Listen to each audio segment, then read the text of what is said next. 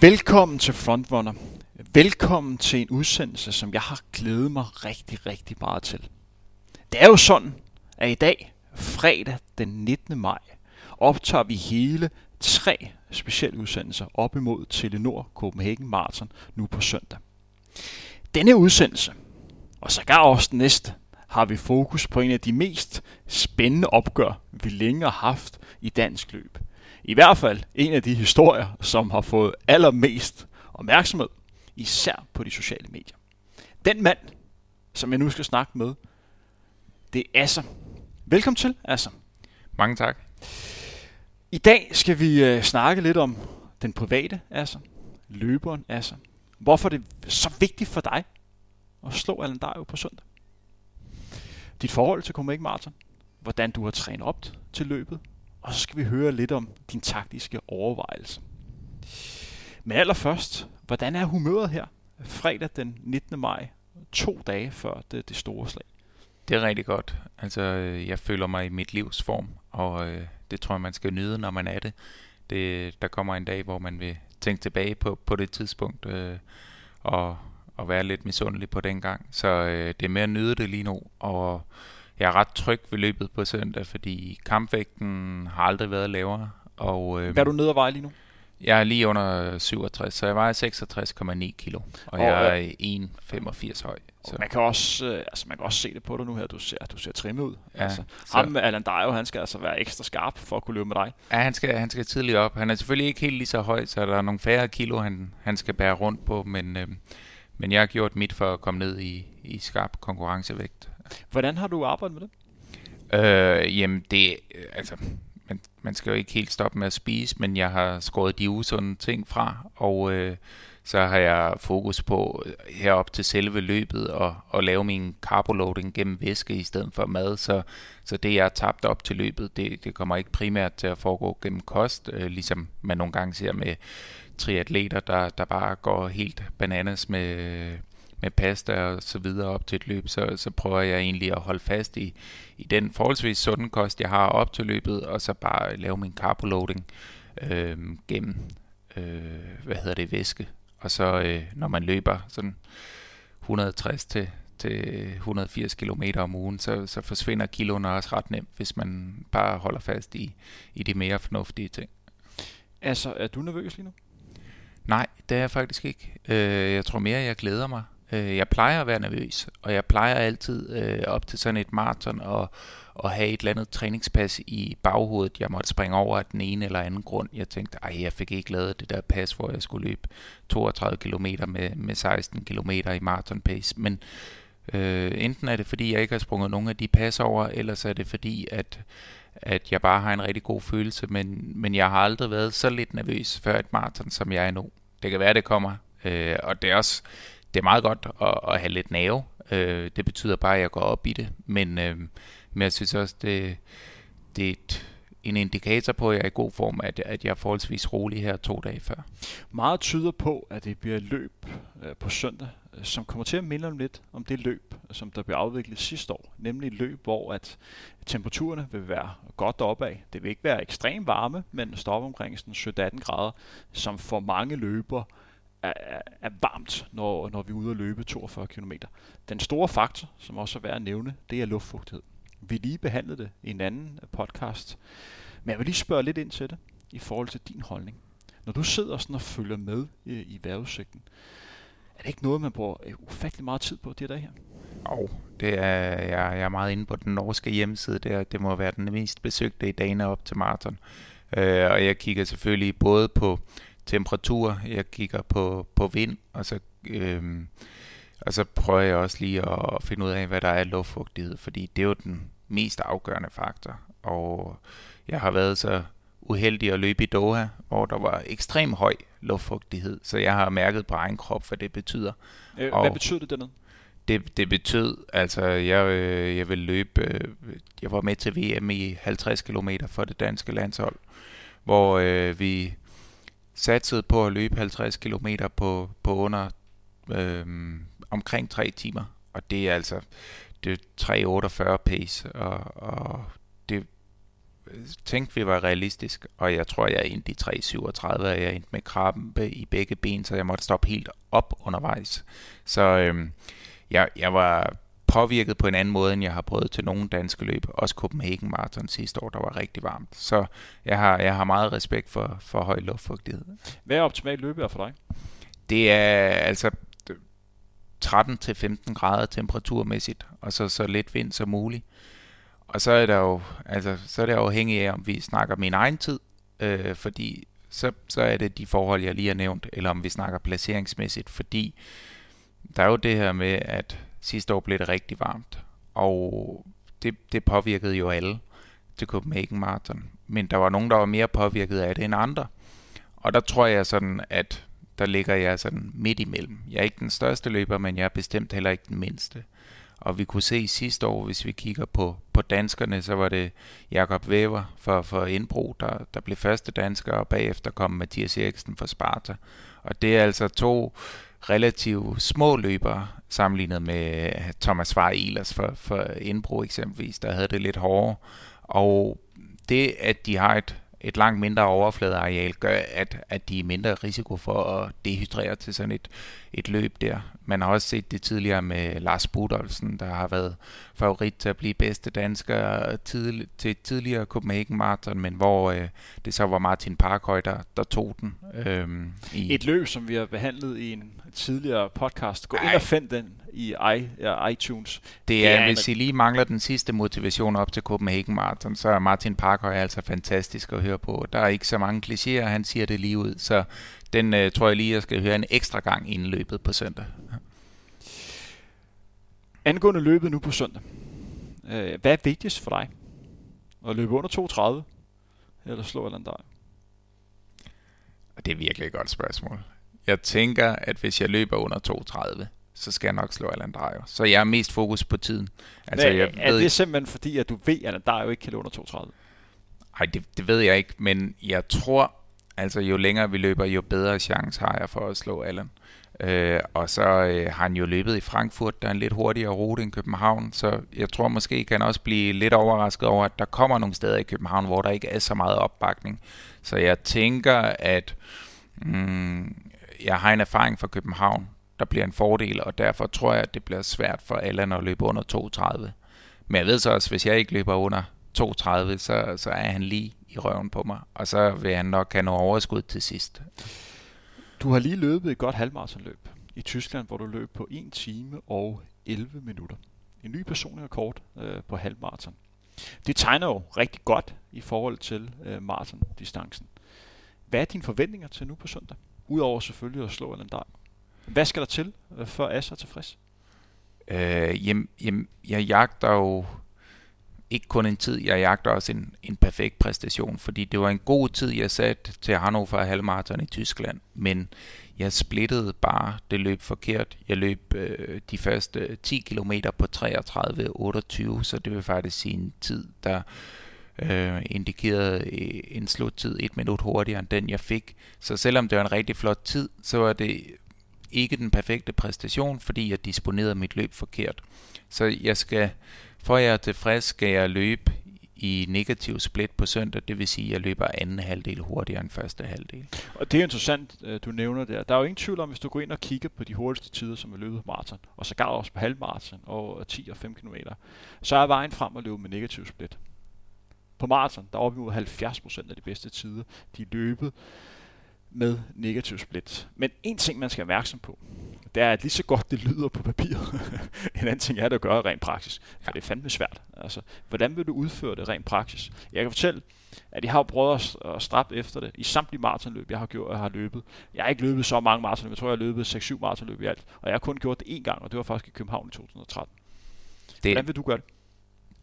Det, det er nemmere at sidde og sige i et, i et podcaststudie, end det er at gøre i praksis, øh, som du siger. Øh, men, men det handler om at ture vente længe nok til at rykke. Altså fordi forhåbentlig, hvis alt går godt, så er der stort overskud ved 21 km, så tænker man, at nu er jeg halvvejs, øh, det kunne være fristende at sætte tempoet op.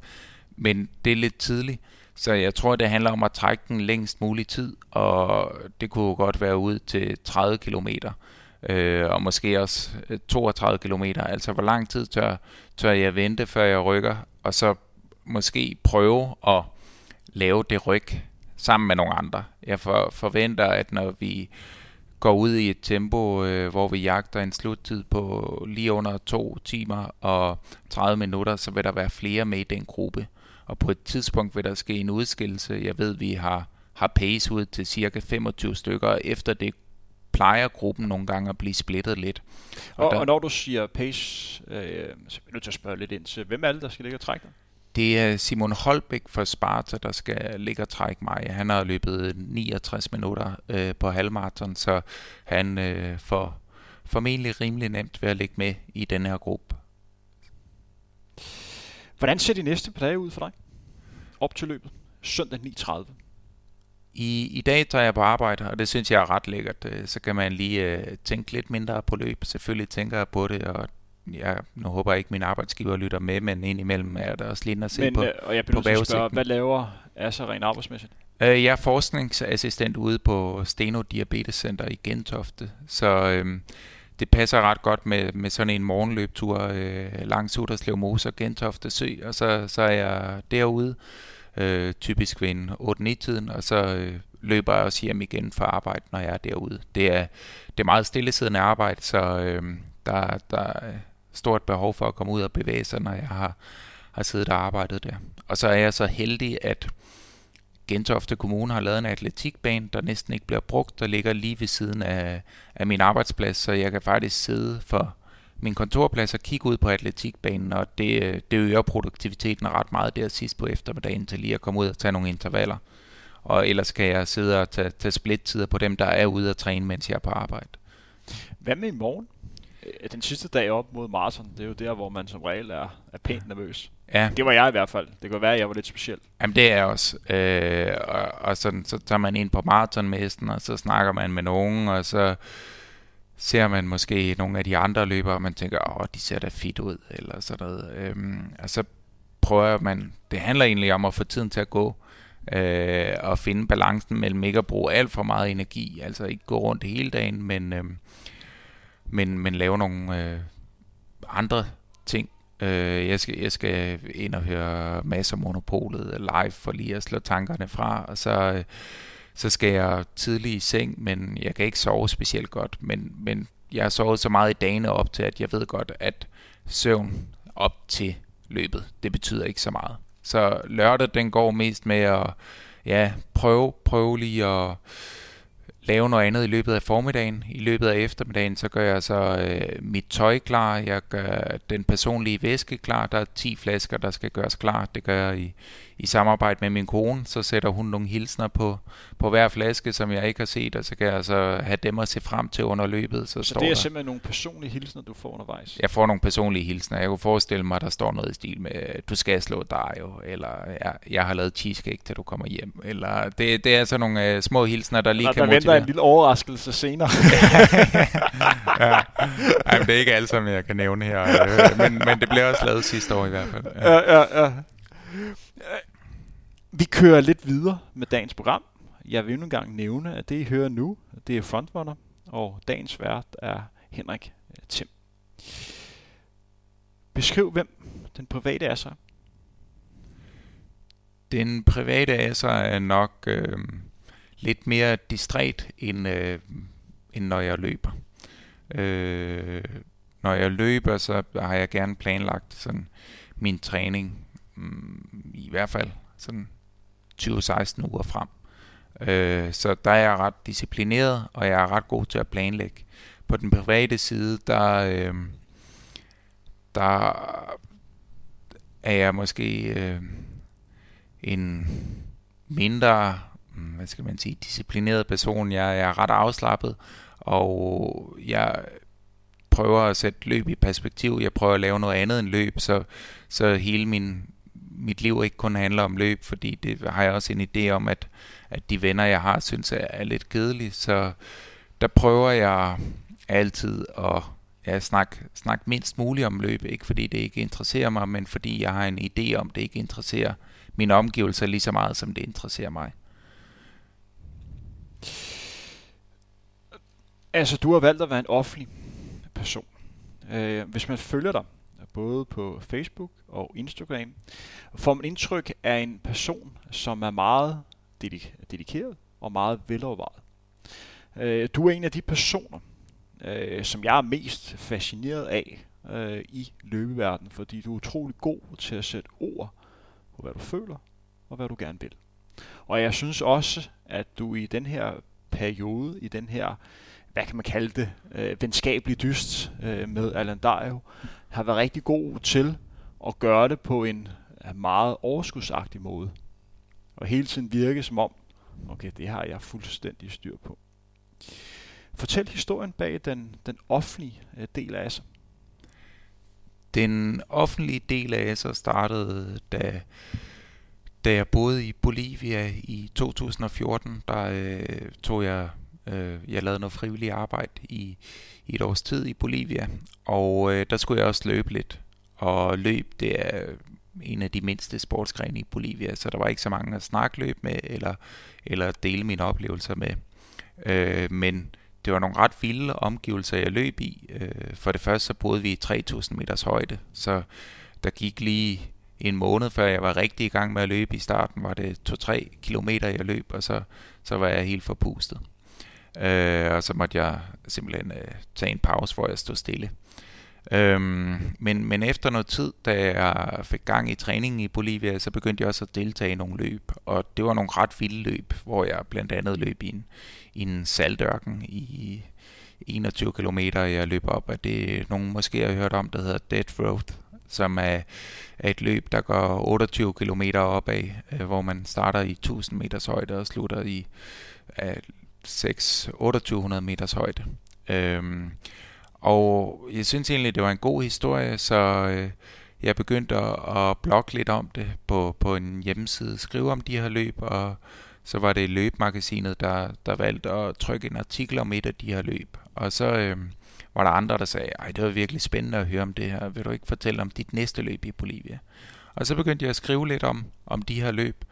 Og øh, i, i takt med, at jeg gjorde det, og folk syntes, øh, det var spændende at læse med, så øh, sled jeg også min løbesko op, så jeg tænkte, ej, jeg skulle begynde at slide mange løbesko op. Det, det kunne være meget fint, når jeg var studerende, hvis jeg kunne få nogen til at betale mine løbesko. Så jeg tænkte, hvis jeg nu kunne udvide det her med at blogge lidt om løb øh, til fordel for, at jeg så kunne give noget branding til en sponsor, så, øh, så, så kunne jeg øh, måske få nogle løbesko igen. Øh, og på den måde, så, så startede jeg så en, en blog op på Facebook, og så tog jeg kontakt til, til Puma faktisk, fordi jeg kunne se, øh, jeg kunne se hvem der var sponsoreret af, af Nike og Adidas, og tænkte, der, der kommer jeg sgu nok ikke ind. Øh, så kunne jeg se, at Alan Dario var sponsoreret af Puma, så tænkte jeg, det kunne godt være, der var en chance der. så, så du tænkte simpelthen, Alan Dario er sponsoreret af Puma? Ja. Jeg er lidt sejere end Alan Dario, så derfor får jeg også Puma. Er Præcis. det korrekt forstået? Ja, Ja, øh, jeg tror, jeg skrev en mail til Jakob Glise, der på det tidspunkt var øh, ansat i Puma og sagde sådan, øh, jeg har ikke øh, jeg har ikke helt lige så mange tatoveringer som Allan, og jeg har ikke helt lige så mange billeder på min profil i bare mave, men, øh, men jeg synes, at, at jeg kan skrive lige så godt som ham, og om noget tid skal jeg nok også løbe stærkere end ham. Så, så hvis I har ham i stallen, så, så bør I også have mig i stallen. Der er jo meget fokus på det her løb på søndag øh, for dig.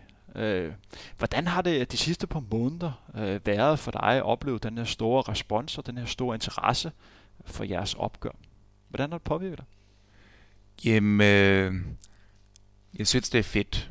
Jeg, øh, jeg har altid godt kunne tænke mig at, at bidrage lidt til festen. Øh, og de her dueller synes jeg er rigtig fede. Og der har ikke der har, der har været nogen i, i lidt min målstok, og så har der været nogen i, i rigtig på et helt andet niveau, fordi de løb meget bedre end Allan og mig øh, på dansk grund, altså specielt Henrik Jørgensen og Allan Zachariasen, og så var der jo nogle andre, de også konkurrerede med dengang. Det var ikke bare de to mod hinanden.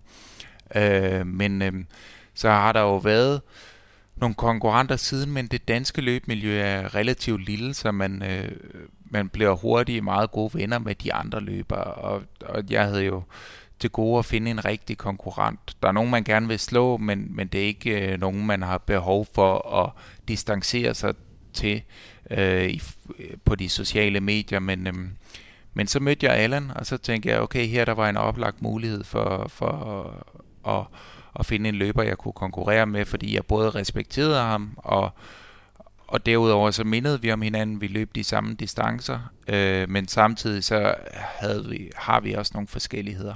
Så jeg har tænkt, hvis, hvis man på en eller anden måde kunne skabe en konkurrence, der kunne være interessant for andre, og forhåbentlig også øh, skabe noget ydre opmærksomhed om løbesporten, og så indimellem putte noget indhold ind i det også, så det ikke kun blev ja, øh, en beef, men, men så man også nogle gange kunne udnytte den her ydre opmærksomhed til at komme ud med, med nogle ting, der enten kunne motivere andre, eller gøre andre klogere, så, så var det ret fedt. Jeg kan selv huske dengang, jeg, jeg begyndte at læse løbblog, så, øh, så var det meget øh, Morten Munkholm og Martin Parkhøjs løbblogs, jeg fulgt, og øh, og det, det var ret spændende, fordi øh, der, der var de ret gode til at fortælle præcist, hvor meget de havde trænet hver uge, ligesom du også gjorde. Men jeg synes, der manglede også nogle gange de allerbedste indlæg. Det var, når de havde været med til et løb, hvor de lige fortalte om, hvad skete der i dagene op til, og hvad skete der efter.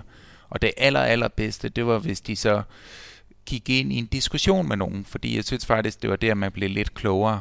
Og jeg kan huske Morten Munkholm, han... Øh, han var i en diskussion med Jakob Hannibal, der også øh, de konkurrerede på 5.000 meter, og, og de diskuterede på et forum, øh, hvorvidt man måtte bruge ilt øh, i, under, i, i, Dan, i Danmark, ikke? Altså, man måtte bruge, benytte sig af ildtelt, om, om det var rigtigt eller forkert. Og jeg synes, det var noget af det, der gjorde, at jeg begyndte at, at forholde mig til nogle konkrete emner, at der var to, der var uenige, fordi ellers kommer man meget hurtigt bare til at mene det samme, som, som den blog, man nu følger. Så, så det med, der er en, Øh, en hvad hedder det, beef, det gør, at, at man også bliver tvunget til at nogle gange tage parti. Hvem er jeg mest enig med, og hvad er min egen holdning egentlig til det her? Så jeg håber, det, det gør folk lidt klogere på, hvad de mener.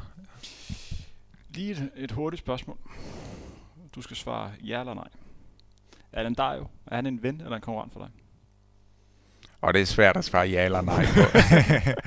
Men øh, han er en konkurrent i de her dage. og en ven på mandag. Ja. ja. Øh, på mandag, ej, så Ja, det kommer ind på, hvordan det er gået. Hvis jeg har vundet, så er han en ven. Ja, ja. Det var jo sådan, at øh, jeg sad og spikede London Marathon for en lille måned siden. Og der blev jeg spurgt om jeres rivalisering. Øh, dig og Alan Darius og jeres kamp om at, at, at komme bedst muligt igennem Copenhagen Marathon.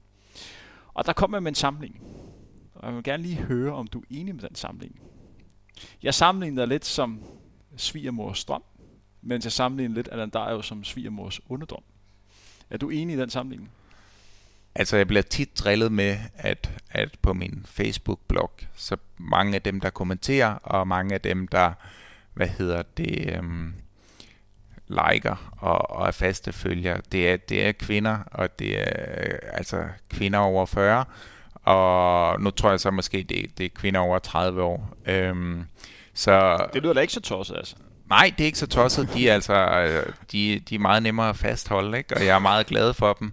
Øhm, og jeg tror, jeg tror ikke, den er helt gal, den der med, jeg kan også se, at, at der er nogle flinke løbpiger fra Holbæk, der har været så venlige at få, få trykt det her hashtag all for asser. Øhm, så, så jeg tror, jeg appellerer nok mere til, til kvinderne over 30 år, mens Allan appellerer til et yngre publikum, kunne jeg godt forestille mig. Ja. Og så lige en enkelt spørgsmål. Hvis dig og, hvis dig og Dario var med i Paradise Hotel, hvem vil komme længst? Åh, oh, det er svært. Altså, fordi jeg tror, at Allan har en bedre sixpack og, og lidt flere tattoos, men, men taktisk ved jeg sgu ikke helt. Altså, jeg tror, jeg kunne godt lave en alliance med den, altså, hvor, hvor man kunne lokke Allan i et baghold. Så øh, jeg, jeg tror faktisk, Allan og mig vil stå i finalen. Nu ved jeg ikke, øh, altså, om det, altså, jeg, jeg forestiller mig, at Paradise bliver åbnet op øh, om nogle år, så det ikke kun er for for par, øh, der består af, af mænd og kvinder, men det også kunne være par, der består af mænd og mænd. Og, og hvis man måtte det, så kunne det være, at Allan og mig endte i, i finalen sammen. Og så øh, er der vist, øh, nu skal jeg passe på, øh, at jeg ikke afslører, hvor meget Paradise jeg har set i, i tidernes morgen, men så tror jeg, at finalen den handler om, at der er 5.000 øh, til deling, hvis man stoler på hinanden hele vejen. Og ellers så, øh, så, så kan en af de to i finalen vælge undervejs og gå med enten 100.000, 150.000, 200.000. Så jeg tror, vi vil øh, gå i finalen sammen, og så vil jeg øh, tage ham på de 450.000, og så vil han stå med ingenting. jeg ser ikke så meget Paradise mere, men jeg gjorde det altså for 10 år siden. Nu kører vi lidt videre ja. øh, til det, det princippet handler om, og det er øh, dit løb på, øh, på søndag. Du har en personlig kort på 2 timer og 35 minutter. Er det korrekt forstået, at det også er løbet i København? Ja, det er løbet for to år siden i København. Hvad lærte du af det løb? Der lærte jeg, at, at, at man, man, man skal ikke vente på, at der er nogen, der rykker. Man skal selv tage sit ryg. Der lå vi en stor gruppe, der øh, vil løbe under 2.35 i 2015 i København. Og øh, vi, øh, vi havde pace af faktisk Allan Dario ud til cirka 30. Og øh, så øh, da han stoppede med at pace os der, så øh, lå vi fire løbere tilbage. Øh, min gode ven Rasmus fra Sparta, Rasmus Wolf, som jeg træner de fleste kilometer med, og så to indbroløbere. Og øh, vi ligger så samlet, øh, prøver at rykke lidt på skift. Rasmus og mig øh, prøver at rykke, fordi vi, vi er gode venner og tænker, nu skal vi have de to fra indbro øh, øh, viftet af.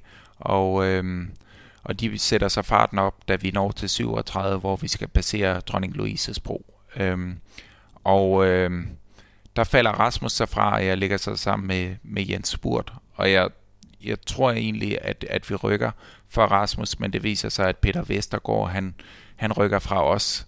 Så jeg har fundet ud af, at man skal ikke man skal ikke altid vente på, at der er nogen, der rykker. Man skal selv tage de der ryg. Øh, så jeg kommer til at løbe lidt mere aggressivt nu på søndag, end, end jeg gjorde dengang jeg satte PR. Fordi Peter Vestergaard han kom faktisk ind i 2.34.50, og som den eneste for den gruppe, hvor vi startede 10 ud, der løbe under 2.35, så klarede han at løbe under 2.35. Hvor længe har Copenhagen Marathon været mål for dig? Det er det altid. Det, det er mit forårsmarathon. Og jeg ja, har og en hvorfor er det lige præcis det? Fordi det var det første maraton, jeg løb i 2005.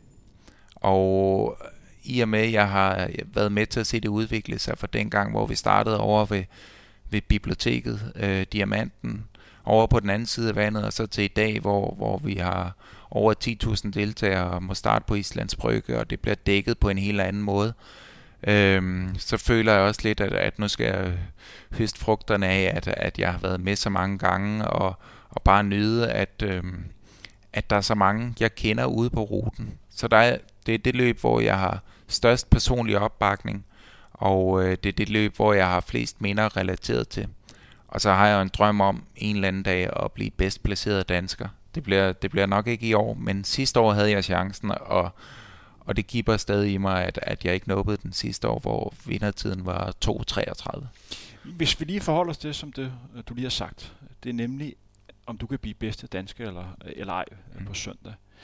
Vi havde en snak om det i går, øh, hvor vi forbereder os lidt til, til dagens udsendelse. Og der er ingen tvivl om, at den store favorit til at blive bedste dansker er, er Torkel Sundstrup. Han løb 2.24 øh, sidste år ved Valencia Marathon, et, et godt maratonløb i, i november måned. Hvis I kan et hurtigt november maraton, så løb øh, det løb. Det er et løb på, på vej frem. Han løber der også tidligere har løbet godt i København. Efter ham, der ligger der en gruppe af sådan 6-7 løber, der på en god dag godt kan blive bedste dansker. Fordi det vi begge to er opmærksom på, det er, at der er den reelle mulighed øh, for Torben, at han løber, løber sin chance for at få en hurtig tid. Og hvis han løber sin chance for at få en hurtig tid, kan han også gå kold. Den faktor er der altid øh, på, på, på en maraton. Jeg tror, du har en reel chance for at blive bedste dansker øh, på søndag. Jeg tror, den er, den er i spil øh, for dig, øh, hvis, du, øh, hvis du rammer dagen. Udover Torkel, Hvem ser du ellers som din konkurrent nu på søndag? Øhm, og hvis vi lige glemmer Allan Dario lidt. Ja, Jamen, så er der Thomas Svare Ehlers øh, for, for Indbro, der, der har en, en dygtig træner, øh, der sidder over for mig lige nu, øh, Henrik Thiem.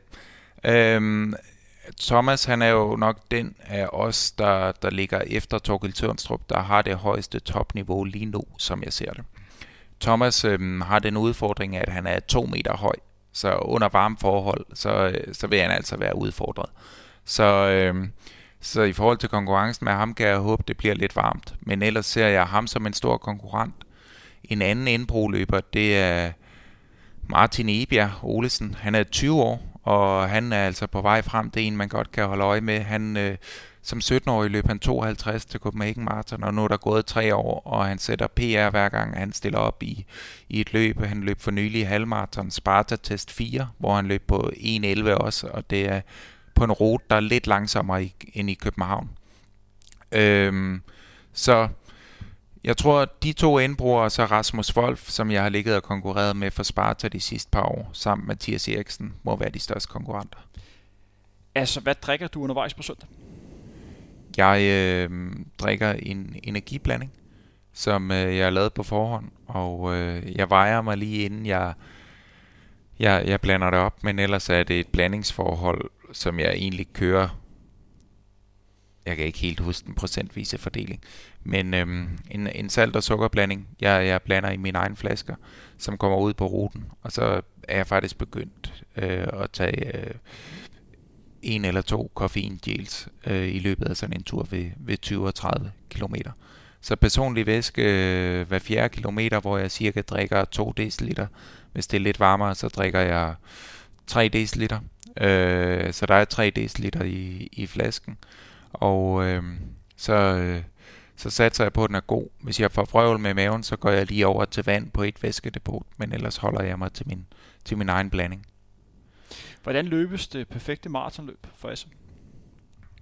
Det øh, løbes ved at have overskud og, og være tålmodig og, og være modig, Tur vente til, øh, til det bliver afgjort og ikke prøve at gå ud alt for tidligt.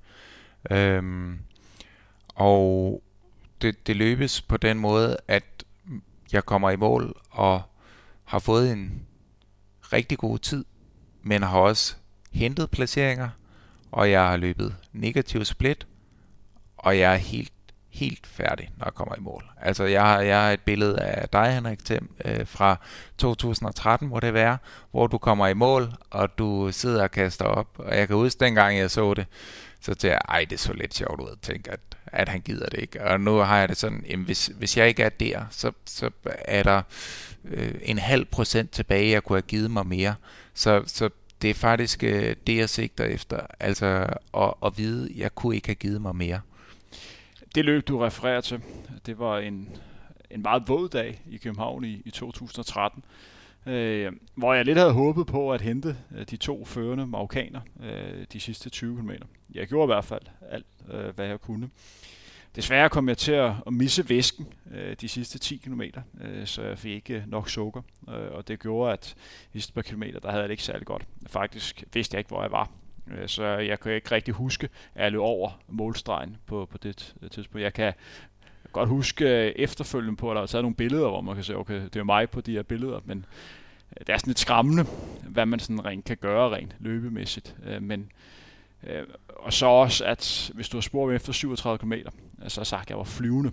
Altså på en maraton kan det komme relativt hurtigt, hvis man ikke får, får drukket og, og passe godt nok på sig selv. Men samtidig øh, var der også på en eller anden måde form for tilfredsstillelse. For det var en tilfredsstillelse over, at man ikke kunne gøre det bedre. Altså, jeg havde ikke flere kræfter overhovedet. Jeg var den sidste mand, der blev lukket ud den dag, fordi jeg skulle til dopingtest, og jeg kunne simpelthen ikke tisse.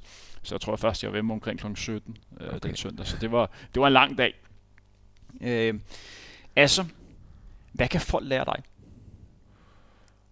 Jeg tror altså, øh, det de kan lære mig, det er, at øh, selvom der kommer et par nederlag, øh, så, så venter der nogle sejre, hvis bare man er villig til at, at tage de nederlag. Altså, jeg tror, jeg lider, det er mange nye løbere lider af, at man starter en løbeklub, og så er ens øh, progression ret målbar i begyndelsen, fordi man sætter en ny personlig rekord hver gang.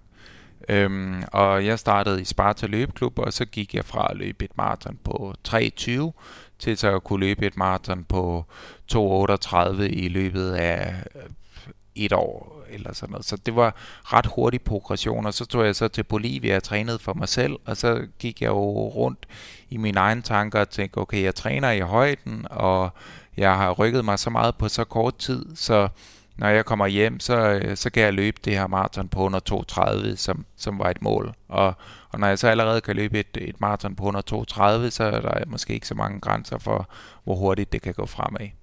Da jeg så kom hjem, så, øh, altså, så kunne jeg næsten ikke løbe, fordi jeg havde trænet forkert i højderne. Jeg havde ikke taget, taget højde for højden, hvis man kan sige det.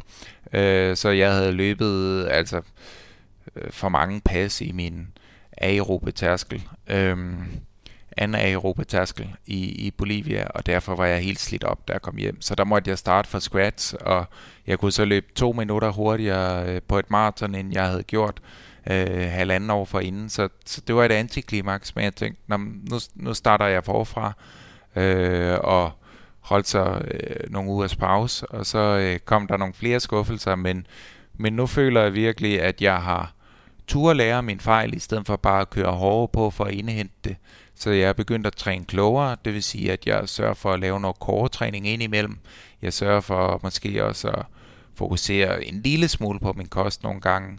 Og det gør, at nu har jeg haft en periode, hvor jeg faktisk ikke har været skadet siden tre uger efter Copenhagen Marathon sidste år. Og det er det vigtigste, det er ikke at blive skadet. Altså det er forudsætningen for at kunne udvikle sig. Og, og i begyndelsen, når man jagter de her tider, så tænker man, hvis jeg trænede øh, 160 km i sidste uge, så skal jeg træne 180 i den her, 200 i næste uge, og så kører man hårdt på og vil slå personlig rekord på hver træningspas. Så det man kan lære af mig, det er, hvis man tør være tålmodig lidt, lidt tidligere i sin løbekarriere og ikke øh, skal ud og jagte personlige rekorder hele tiden, så kan man komme lidt hurtigere frem, end, end hvis man hele tiden skal, skal jagte den her øgede mængde og øgede øh, fart på, på sine intervaller. Så, så lyt til, til nogle af trænerne, lyt til nogle af de gamle, og, og tænk altid, når I laver intervalpas, så skal der lige være 5-10% tilbage i banken. Altså, jeg har to ting tilbage på programmet. Det første er en lille øvelse til dig.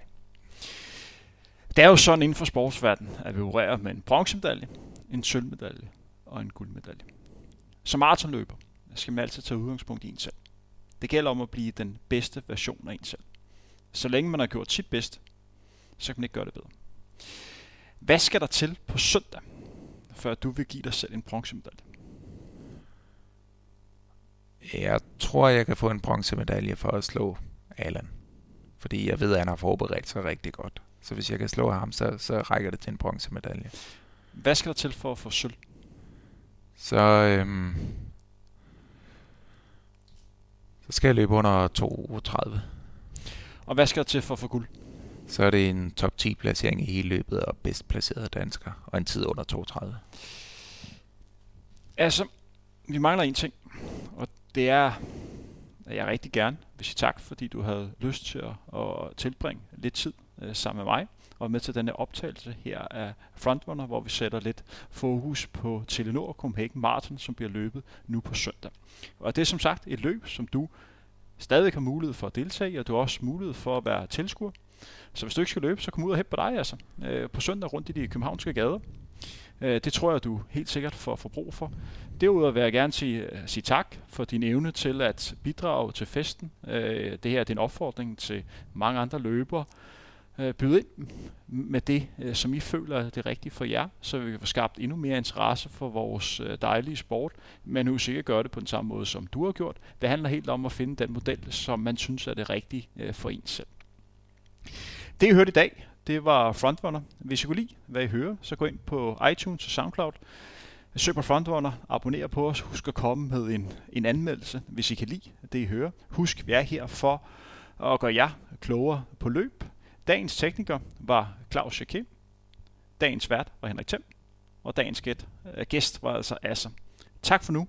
Vi høres.